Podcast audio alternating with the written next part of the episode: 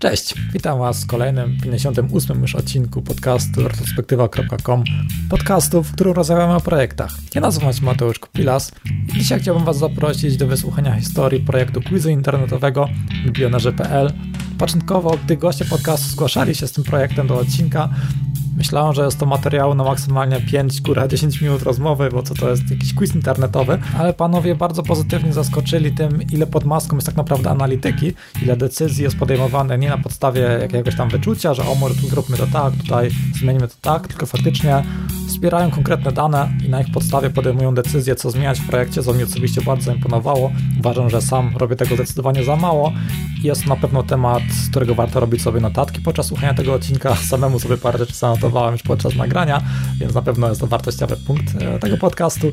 A oprócz tego, jak zawsze, trochę o technologiach projektu, o historii powstania, marketingu takiego projektu i całej otoczce. Zapraszam. I heartily endorse this event or product. Jeżeli lubicie retrospektywę, to zapraszam na retrospektywa.com ukośnik wsparcie. Tam możecie zobaczyć, jak możecie wesprzeć podcast, na przykład przez zakup mojej książki Junior Developer czy autorskie gry karcianej IT Startup Karciana. Bardzo pomagają również oceny podcastu w wszelkich apkach podcastowych. To tyle, jeżeli chodzi o autopromocję. Zapraszam do odcinka. Przedstawcie się może po kolei, kim tak naprawdę jesteście, czym się zajmujecie. E, ja jestem Tigran w naszym projekcie pro biblionerów jestem product ownerem, zajmuję się w sumie wszystkim, czym nie jest kodowanie tak naprawdę. Od testowania, projektowania UX-u zajmuję się, przynajmniej staram się marketingiem naszym, reklamami. No i chyba tyle tak naprawdę. Dobra, e, nazywam się Michał Babiński, jestem w tym projekcie backend developerem. Zajmuję się programowaniem oraz utrzymaniem serwera. Ja jestem Maciek Fogt, jestem frontend developerem w tym projekcie. I teraz może kto, kto z Was ma ochotę przedstawić projekt słuchaczom, o co w tym projekcie tak naprawdę chodzi i jak to się zaczęło? Ja mogę opowiedzieć trochę o tym. No to bardzo fajna historia moim zdaniem. To, czym się zajmujemy, Biblionerzy.pl jest to quiz, gdzie ludzie mogą pobawić się. Znaczy ma parę, parę cech tak naprawdę. Pierwsza rzecz to jest zabawa. Jest to quiz na bazie milionerów, gdzie możemy grać, konkurować z innymi, w tematyce Biblii, w tematyce religii chrześcijańskiej, gdzie możemy odpytywać pytania, doskonalić się, więc z jednej strony jest to rywalizacja, z drugiej strony, co ciekawe, bo odkryliśmy to trochę grają, trochę słuchając naszych użytkowników, jest to dobry, spełnia cel edukacyjny. To jest dużo ludzi używa tego narzędzia do głoszenia, na przykład w szkole katecheci używają tego na lekcjach religii, czy ludzie sami, żeby gdzieś się doskonalić i poszerzać swoją wiedzę o Biblii. Mm, tym się zajmujemy, tym jest ten projekt mm, jak się zaczęło? Zaczęło się też w ogóle bardzo zabawnie, bo zaczęło się 10 lat temu od Michała. 10 lat temu w erze jeszcze, kiedy CD było e, dość rozwiniętą technologią, Michał napisał te pytania po prostu. Spadli na taki pomysł e, gdzieś u siebie ze znajomymi i zrobili tak naprawdę core naszej aplikacji, czyli bazę pytań. Samo, samodzielnie napisali bazę, chyba ile to było? Tysiąc pytań, Michał? E, no tak 900, 800, coś takiego. 800 pytań wydali to jako gierkę, którą można było sobie ściągnąć i projekt po pewnym momencie gdzieś przycichł.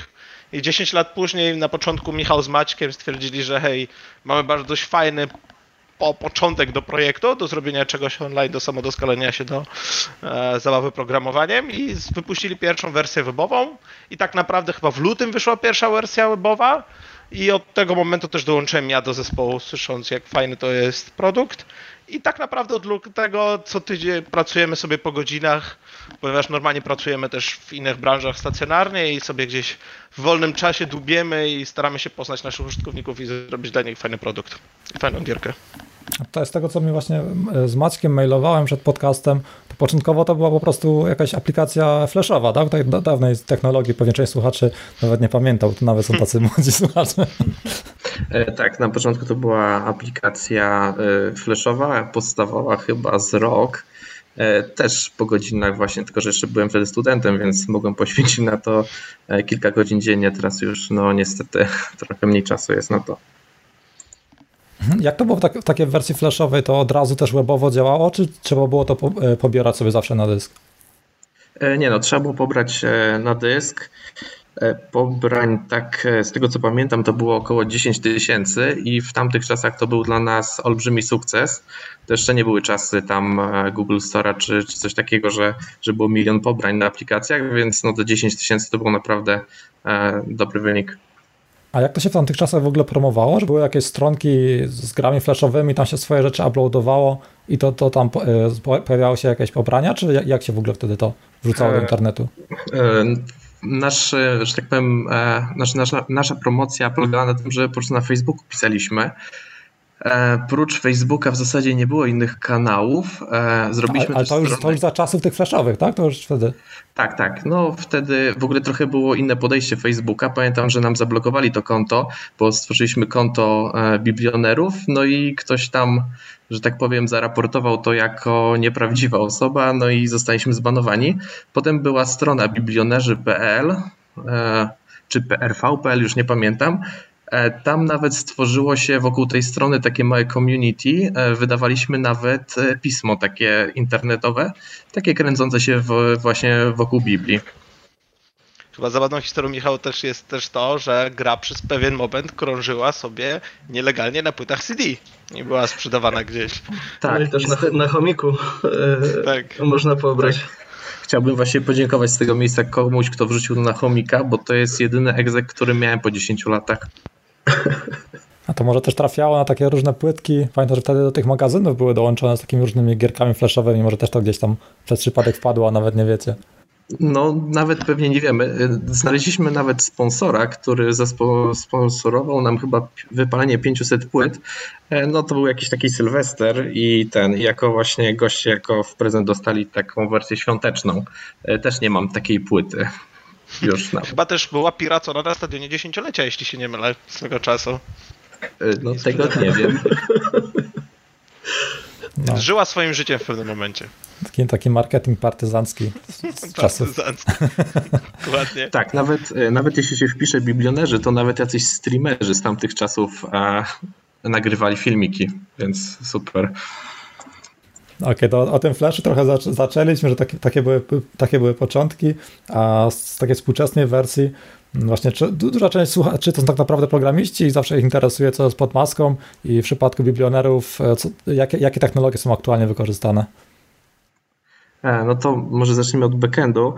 E, ja jestem C-Sharp developerem, więc, więc zacząłem to pisać w .NET Core.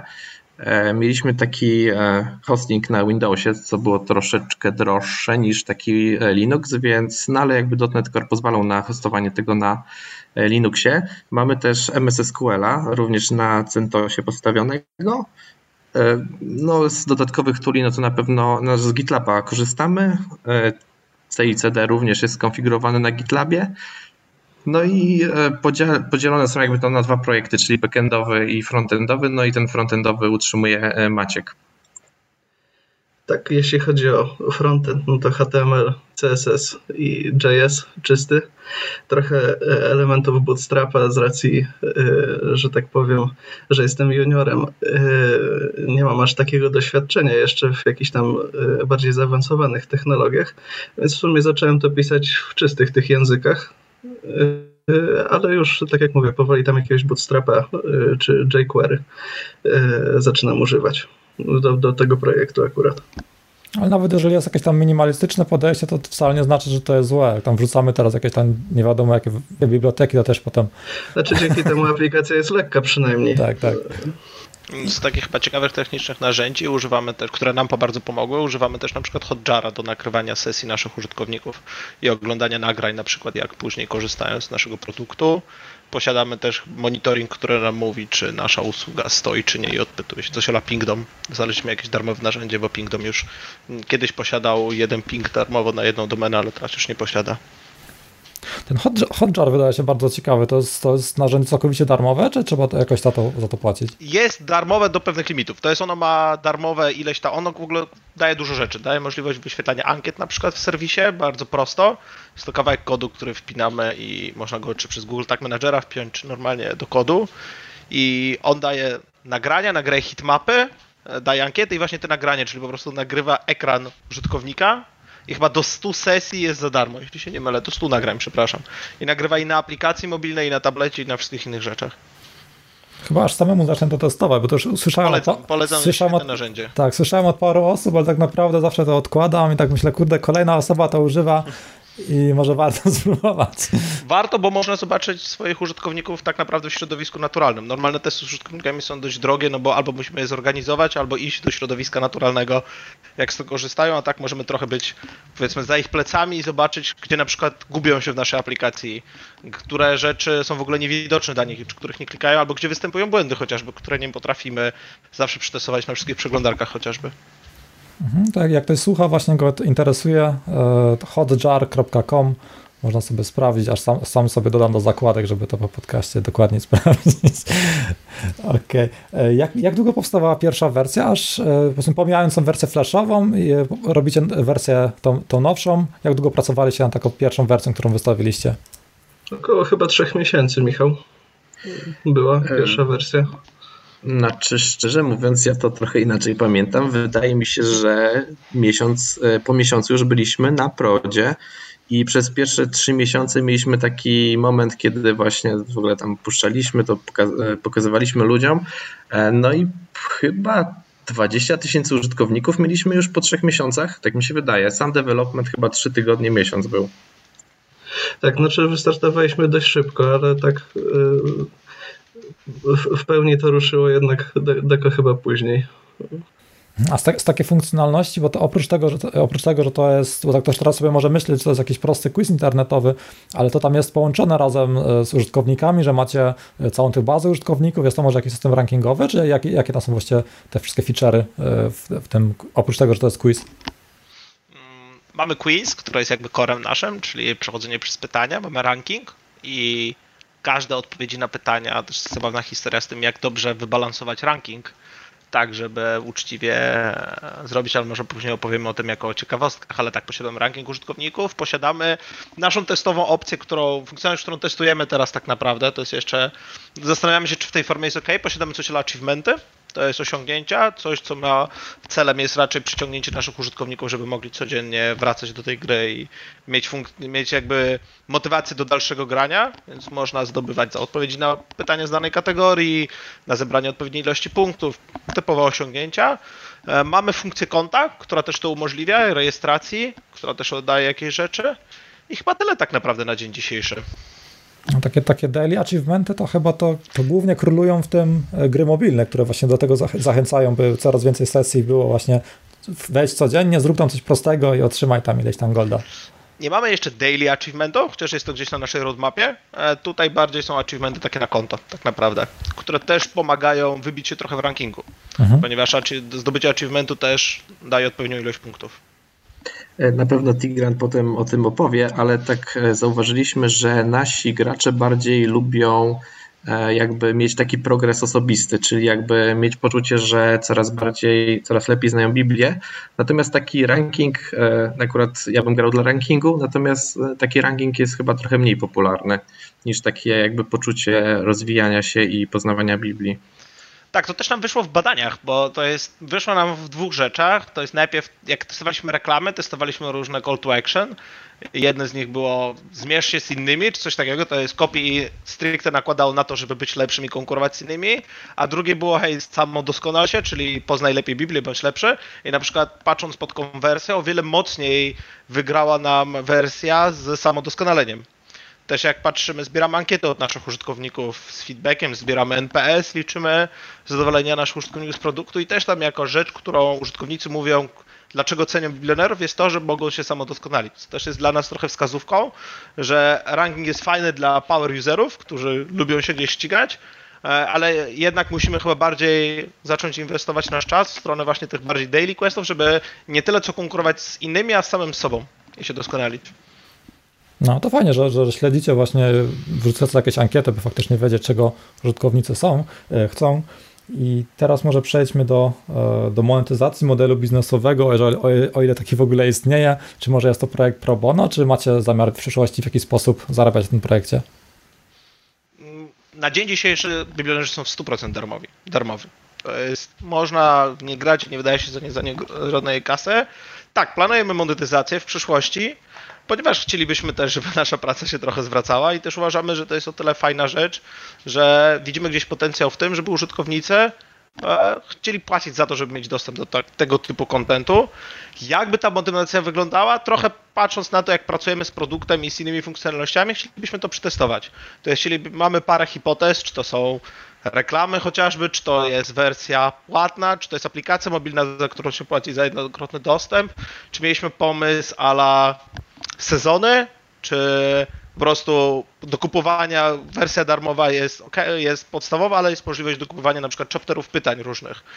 Mm, I myślę, postanowiliśmy sobie, że w momencie, w którym dopieścimy wszystkie nasze funkcjonalności, które aktualnie posiadamy, i gdzieś ten pierwszy feedback użytkowników, który dostaliśmy po pierwszych releasach, zaadresujemy, zaczniemy się powoli zastanawiać nad tym, żeby to monetyzować, ale jednak trochę wierzymy w to, że fajny produkt obroni się sam i zacznie się sam sprzedawać w pewnym momencie. Trochę się nie zastanawiamy trochę na tym. To jest, jeśli byśmy mieli popatrzeć na naszą roadmapę rzeczy, to raczej na dzień dzisiejszy jest to pozyskanie nowych użytkowników i danie im wartości na tyle, żeby wracali do tego produktu, niż monetyzacja. E, trzeba jeszcze pamiętać, że czasem ludzie się do nas odzywają i się pytają, gdzie mają nam, że tak powiem, zapłacić za, za, za, za tak. tą grę. Natomiast no, zazwyczaj mamy zrzutkę, ale to ten, ale to jakby na razie e, kilka osób się zgłosiło, że chciałoby tak, zapłacić. Wprowadziliśmy to też testowo jako dodatkowa opcja. Ale to też moim zdaniem to, że chociażby te parę osób, to nie są duże pieniądze w porównaniu do gdzieś utrzymań, które mamy, to mamy wrażenie, że to też jest jakiś sygnał dla nas, że idziemy chociażby naszą pracą w dobrą stronę, bo jeśli ludzie chcą, sami do nas piszą, że chcą nam zapłacić za produkt, płacą, to znaczy, że są na tyle wartościowi, że są case'em, żeby za to zapłacić. A to spoko, to, to fajnie, że to w jakimś tam kierunku idzie. I jak, jak długo ten projekt już teraz istnieje? Bo tam e, było właśnie o tej wersji flashowej, e, to już będzie paręnaście lat, o ile dobrze pamiętam? Tak, ale myślę, że tak naprawdę Biblionerzy 2.0 to nazwijmy powstały tak naprawdę od lutego. Więc tak na bieżąco teraz wszystkimi opcjami, funkcjonalnościami, o których mówimy, pracujemy w weekendy po godzinach od lutego. Zaraz minie rok tak naprawdę. Okej, okay. bo chciałem właśnie teraz przejść do, do, do błędów w projekcie i teraz właśnie nie wiem, czy jakieś, jakieś wnioski można wyciągnąć w ogóle z tej wersji flashowej, bo to było tak kompletnie e, robione właśnie bez planu, że to po prostu coś, coś chcemy zrobić i dopiero teraz jakoś to poważnie myślicie, ale rok doświadczenia to tak już jest chyba sporo i macie jakieś, jakieś błędy, którymi chcielibyście się podzielić? Gdybyście na przykład zaczynali teraz tym od nowa, co chcielibyście samym so, e, samemu sobie powiedzieć przed, przed tego roku? Myślę, że na pewno. Mamy kupę błędów. Mam wrażenie, że uczymy się na błędach. To też jest, może będzie fajna wartość dla słuchaczy. Co do wersji flashowej, to ona tak naprawdę jedyne, co nam dała, to core, czyli bazę pytań, którą posiadamy. E, no, tu się nie zgodzę, ponieważ no. pierwsza wersja flashowa, e, produkcja jej trwała rok, a teraz ta wersja nowa trwała miesiąc, więc nauczka na to, żeby nie pieścić tej aplikacji tak. przez rok, tylko najszybciej na proda. Tak, no okej, okay. bez racji mówiłem o produktowej. To jest pierwsza rzecz. To, co na pewno byśmy zrobili jeszcze raz, to mimo, że pracujemy nad tym, żeby zbierać dane o wszystkim tak naprawdę, co mamy i nasze decyzje gdzieś produktowe opierać stricte na da danych, czyli nawet jak gdzieś mamy jak to w zespole produktowym kłótnie, hej, czy powinniśmy to wstawić, czy nie, to zazwyczaj się kończy, dobra, sprawdźmy to testem AB, sprawdźmy to na liczbach, to myślę, że jednym z wniosków jest to, że na pewno chcielibyśmy to e, zrobilibyśmy to wcześniej. To jest wcześniej byśmy zapieli jeszcze, chętnie byśmy poświęcili parę feature'ów, które mamy na tym, żeby jeszcze lepiej analitykę zbierać naszych użytkowników. To jest coś, co każdemu nowemu, niezależnie od produktu, analityka jest królową i pomaga o wiele łatwiej robić decyzje produktowe i ułatwia życie mocno. To, co na pewno byśmy też zrobili, to zaczęlibyśmy wcześniej pozyskiwać maile naszych użytkowników, do, czy założyć rejestrację. Zrobiliśmy to dość późno i widzimy, jak ciężko nam idzie tak naprawdę. No, zbieramy od marca, mamy 40 graczy od marca, maile zbieramy od kilku miesięcy i mamy ich niewiele. I też wiecie, samo zbieranie maili, ludzie nie podają maili bez powodu, ale chętnie byśmy zrobili, bo to jest bardzo fajny moment, fajna dla nas możliwość kontaktu z naszymi użytkownikami i gdzieś ich reaktywacji, na przykład jeśli nie korzystają. To jest chętnie byśmy zbierali jakiś sposób do dotarcia do nich z powrotem. Myślę, że z tym byśmy na pewno wcześniej ruszyli. Chyba jeszcze jedną taką rzeczą, co byśmy też szybciej zrobili, bo zrobiliśmy ją dość szybko, ale też mam wrażenie, że to jest dobry punkt, żeby zaczynać od początku. Szybciej byśmy poszli do naszych docelowych użytkowników i ich spytali. I inaczej, pierwsza rzecz to szybciej byśmy wyszli do naszych użytkowników.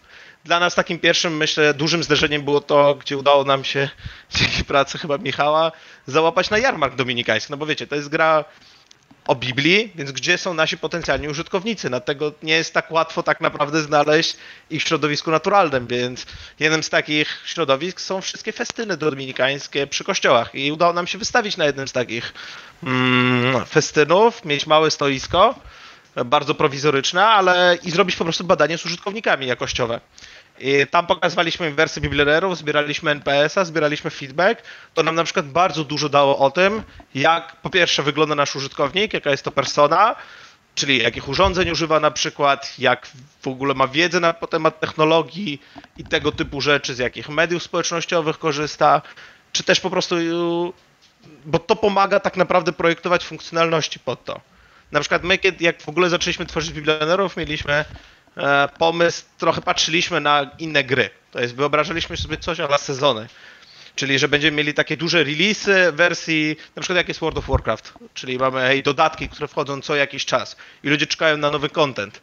Jednak trochę poznając naszych użytkowników, a nie oszukujmy się, nasi użytkownicy są raczej seniorzy, którzy grają w tą grę, czy osoby raczej bardziej dojrzałe, nie znają trochę tego konceptu sezonu i musieliśmy na przykład się wycofać w pewnym momencie z tego, bo okazało się, że to jest coś, co byłoby super dla graczy, dla, jeśli nasi użytkownicy byliby młodsi, ale dla użytkowników, którzy są bardziej doświadczeni i życiowo i mm, w innych aspektach, nie jest to koncept e, dobry. Po prostu oni nie, nie rozumieli, o co nam chodziło z nowymi dodatkami, traktowali, że hej, ktoś zainstalował mi na przeglądarce nową grę i dlaczego moja gra się zmieniła. Więc podsumowując, poznanie użytkowników, dla których tworzymy produkt, też moglibyśmy zacząć robić wcześniej, bo wcześniej byśmy wiedzieli, czy idziemy w dobrą stronę. To możemy, myślę, przejść e, do, do reklamy marketingu, bo tam już wspomniałeś o tym, o wystawianiu się właśnie w odpowiednich miejscach i jakimi innymi sposobami docieracie do użytkowników, jak zdobywacie tam ruch. Na dzień dzisiejszy głównym kanałem tak naprawdę dla nas reklamowym jest Facebook. To jest testowali, też doszliśmy do tego drogą testów AB. Na początku wystawiliśmy się wszędzie. To jest byliśmy na Facebooku, na Instagramie, na Google AdWordsach, byliśmy przez chwilę nawet na Snapchacie, Instagramie i TikToku, zakładając, że ktoś będzie korzystał z naszego i no i to była szybka weryfikacja naszych założeń marketingowych nasza grupa użytkowników nie korzysta z TikToka, Snapchata i Instagrama. Mimo, że na przykład Instagram był bardzo potencjalnym miejscem, bo jest bardzo dużo tego typu serwisów, czy tego, jakby tego typu profili o tej, o tej tematyce religijnej. Z bardzo dużą ilością followersów, ale tam nam nie działało. Jest, mieliśmy bardzo małą liczbę wyświetleń e, i nie działało, ale za to Facebook zaczął bardzo dobrze działać. To jest reklamujemy się na Facebooku. Cały czas oczywiście optymalizujemy naszą reklamę. Zeszliśmy chyba z 10 groszy za kliknięcie do 10, dobrze mówię, z 10, 20 do 4, od 3 do 5 teraz tak naprawdę wahają się nasze reklamy i też cały czas testujemy te reklamy. Testujemy kopii, testujemy rysunki, przepraszam, obrazki, które są na tym. Testujemy też grupy odbiorcze, które najlepiej konwertują u nas. Mm, AdWordsy też się o dziwo, znaczy AdWordsy też są ciekawą historią, bo AdWordsy okazały się bardzo drogie bo na hasła, na które my byśmy chcieli się pozycjonować, czy gdzieś Biblia, poznaj lepiej Biblię, pozycjonowały się płatne kursy o Biblii, czy jakieś wielkie stowarzyszenia, które miało wiele większe kampanie, e, budżety reklamowe, przez co stawka CPC była tam dla nas na dzień dzisiejszy kosmiczna. I była tam w wysokości chyba 4 zł za klik, gdzie na Facebooku potrafiliśmy klik pozyskać za 5 groszy. No to ciekawe, to jed... też, właśnie AdWords stosuje do, do reklamy jakichś swoich rzeczy i tak około 2 zł zazwyczaj płacę za kliknięcie, jak średnio powiedzmy. Dla nas tak naprawdę, jeśli budżetem są nasze jakieś prywatne środki, w porównaniu do 4 groszy, znaczy Facebook nam daje też bardzo fajną możliwość interakcji z naszymi użytkownikami. To jest, my widzimy, kto lajkuje nasze post, możemy o wiele lepiej, mam wrażenie, targetować pod grupy odbiorcze, które nas interesują i też patrząc jaka jest chociażby nawet pod reklamą odzew, komentarze, możemy gdzieś wchodzić w interakcję z nimi. I na dzień dzisiejszy jest to chyba najfajniejsza grupa dla nas. Testowaliśmy też taki trochę marketing niepłatny, też próbowaliśmy się sami postować gdzieś na lokalnych grupach facebookowych, ale to też okazało nam się fiaskiem. To jest wyszło, że raczej jeśli ktoś ma prywatną grupę w tej tematyce dyskusyjną chociażby, nie za bardzo dobrze widzi posty, które według nich są reklamowe. Ja bym nie spalał trochę tego kanału, bo mam wrażenie, że możliwe, że możemy po prostu to robić lepiej, ale nasz czas, który mieliśmy w Facebook jest chwilowo najbardziej opłacalny dla nas. Czy na grupach to też jest dobre na krótką chwilę, bo post po prostu przelatuje i tak. nic tam dalej nie ma. Dość dużo, to też co zauważamy, wejść mamy od naturalnych poleceń. To, to było na przykład dla nas też zaskoczeniem na jednym z też spotkań z użytkownikami, gdzie chodziliśmy, wydrukowaliśmy sobie ulotki, trochę tak oldschoolowo, ale stwierdziliśmy, że czemu nie kosztowało to też nas jakieś bardzo małe pieniądze. I rozdając na festynie ulotki, ludzie mówili, że hej, przecież ja znam tą grę i my się dziwiliśmy dlaczego. I okazało się, że jednak ta świadomość, że jest taki serwis, też bardzo mocno pochodzi mm, jakby marketingiem szeptanym przechodzi przez użytkowników. Widać to też w ankietach, gdzie pytamy skąd się dowiedziałeś o biblionerach, ludzie mówią od znajomych. Więc to jest też dla nas fajne, bo to jest to darmowy ruch tak naprawdę, który pozyskujemy. Tu można nawet jakiś taki achievement wbudować, jakiś reflink i pojawia się achievement, zaproś znajomego, coś takiego. Mamy taki achievement, mamy też opcję polecenia, ale mam wrażenie, że nasza audytoria też nie jest, nasi użytkownicy nie są trochę, łatwiej im jest powiedzieć do swojego przyjaciela, przyjaciółki, hej, zobacz tą stronę, niż wyklikać to.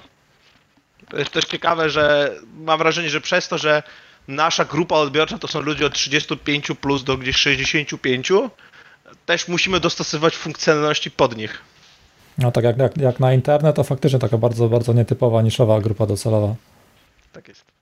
Okej, okay, to jeżeli to wszystko z reklamą marketingu, to zostały może nam plan na przyszłość. Tak się spodziewam, że prawdopodobnie, że na waszym miejscu bym prawdopodobnie jakąś aplikację mobilną w tym kierunku stworzył, ale może oddam wam tu w głos, jakie macie plan na przyszłość z tym projektem. Dobrze zgadłeś. To jest aplikacja mobilna. Mam wrażenie, że jestem naturalnym. Mm, znaczy, okej, okay, wersja 1.0 to jest dalej, mamy wbrew pozorom dość mały zbiór funkcjonalności, które, ma, które mamy w systemie, e, ale dalej go optymalizujemy. Na dzień dzisiejszy naszym najlepszym, produktowym wyzwaniem jest jakby tak jak robiliśmy sobie gdzieś planowanie i burzę mózgów, to było zatrzymanie naszych użytkowników, czyli danie im takiej wartości, żeby je powracali. Czyli takim KPI, który dzisiaj mamy jest zwiększanie ilości powracających użytkowników i korzystających e, z naszej gry. Docelowo widzimy to jako aplikację mobilną, bo jak tak mówisz, mamy wrażenie, że to aż się prosi o aplikację mobilną. Mm, to jest jakby w takim trochę powiedzmy średnio długim okresie czasu.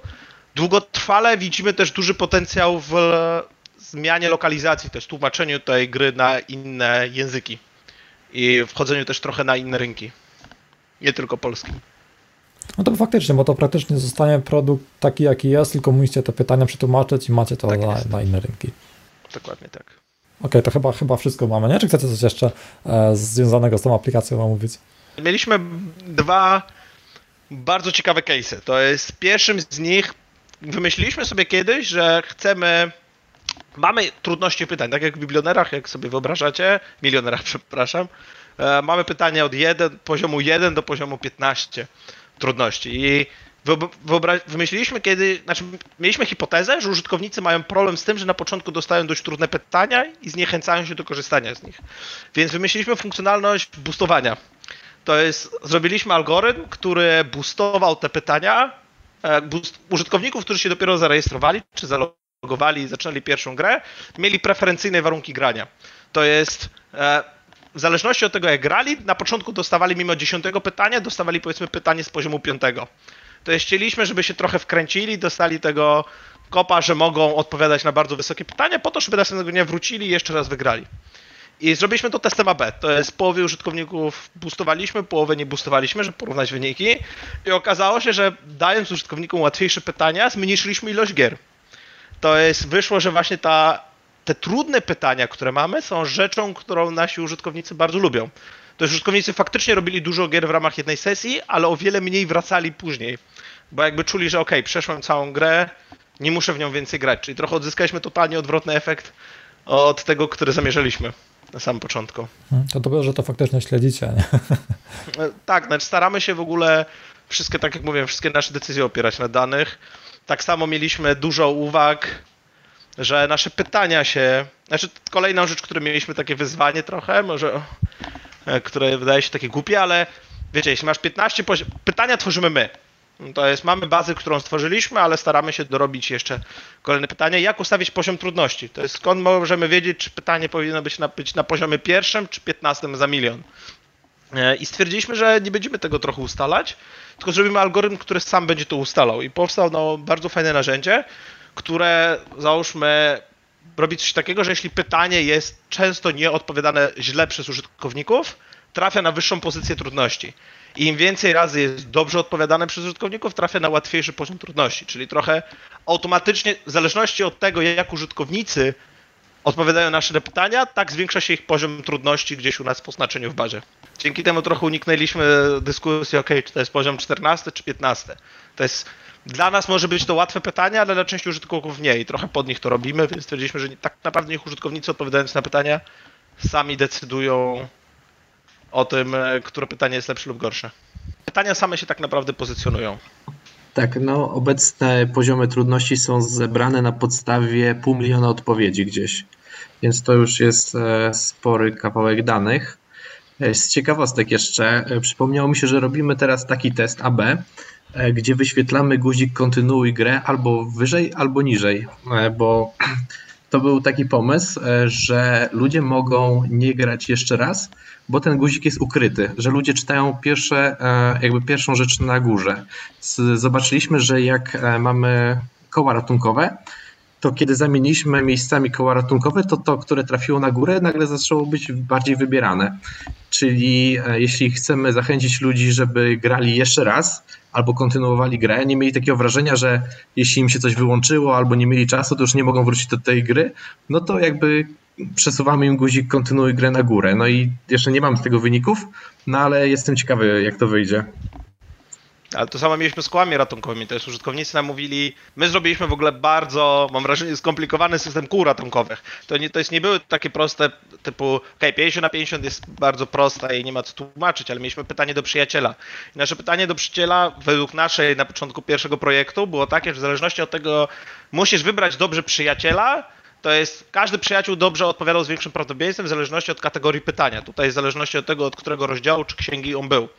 I użytkownicy nam mówili, ok, pytania do przyjaciela bardzo źle działają, to jest, podpowiadają błędnie i zaczęliśmy się zastanawiać, dlaczego tak jest i wyszło, że w ogóle nikt nie czytał o tym i nie widział te, tego wytłumaczenia, że nie możesz wybierać pierwszego lepszego przyjaciela do pytania, tylko musisz zastanowić się, jakie to jest pytanie. Właśnie zrobiliśmy to prostym, mieliśmy taką dyskusję i stwierdziliśmy, że to sprawdzimy na danych i po prostu podmieniliśmy losowo e, losowo przyjaciół w kolejności. Okazało się, że niezależnie od tego, który gdzieś jest, ludzie korzystają z pierwszego.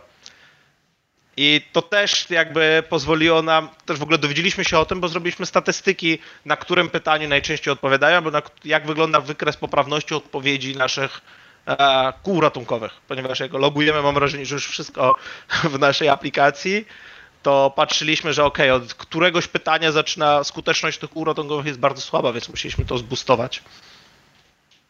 Też długo się chyba bawiliśmy przy rankingu, bo to też było ciekawe, bo w pewnym momencie założyliśmy, że mamy paru naprawdę power userów. Mamy ludzi, którzy codziennie się logują i się ścigają w tym rankingu, ale jak zobaczyliśmy sobie ten ranking, zobaczyliśmy, że jest bardzo duża dysproporcja.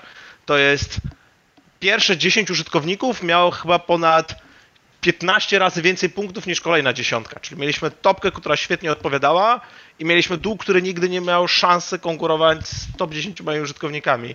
I właśnie zaczęliśmy też się trochę zastanawiać, dlaczego tak jest. Robiliśmy analizę i odkryliśmy, że mamy trochę niefajnie skalujący się system nagród. To jest za ostatnie pytanie zdobywało się nieporównywalnie więcej punktów niż za odpowiedź na pierwsze. Ile to było, Michał? Za pierwsze chyba się punkt dostawało, a za 15 prawie tak, 100 e, tysięcy?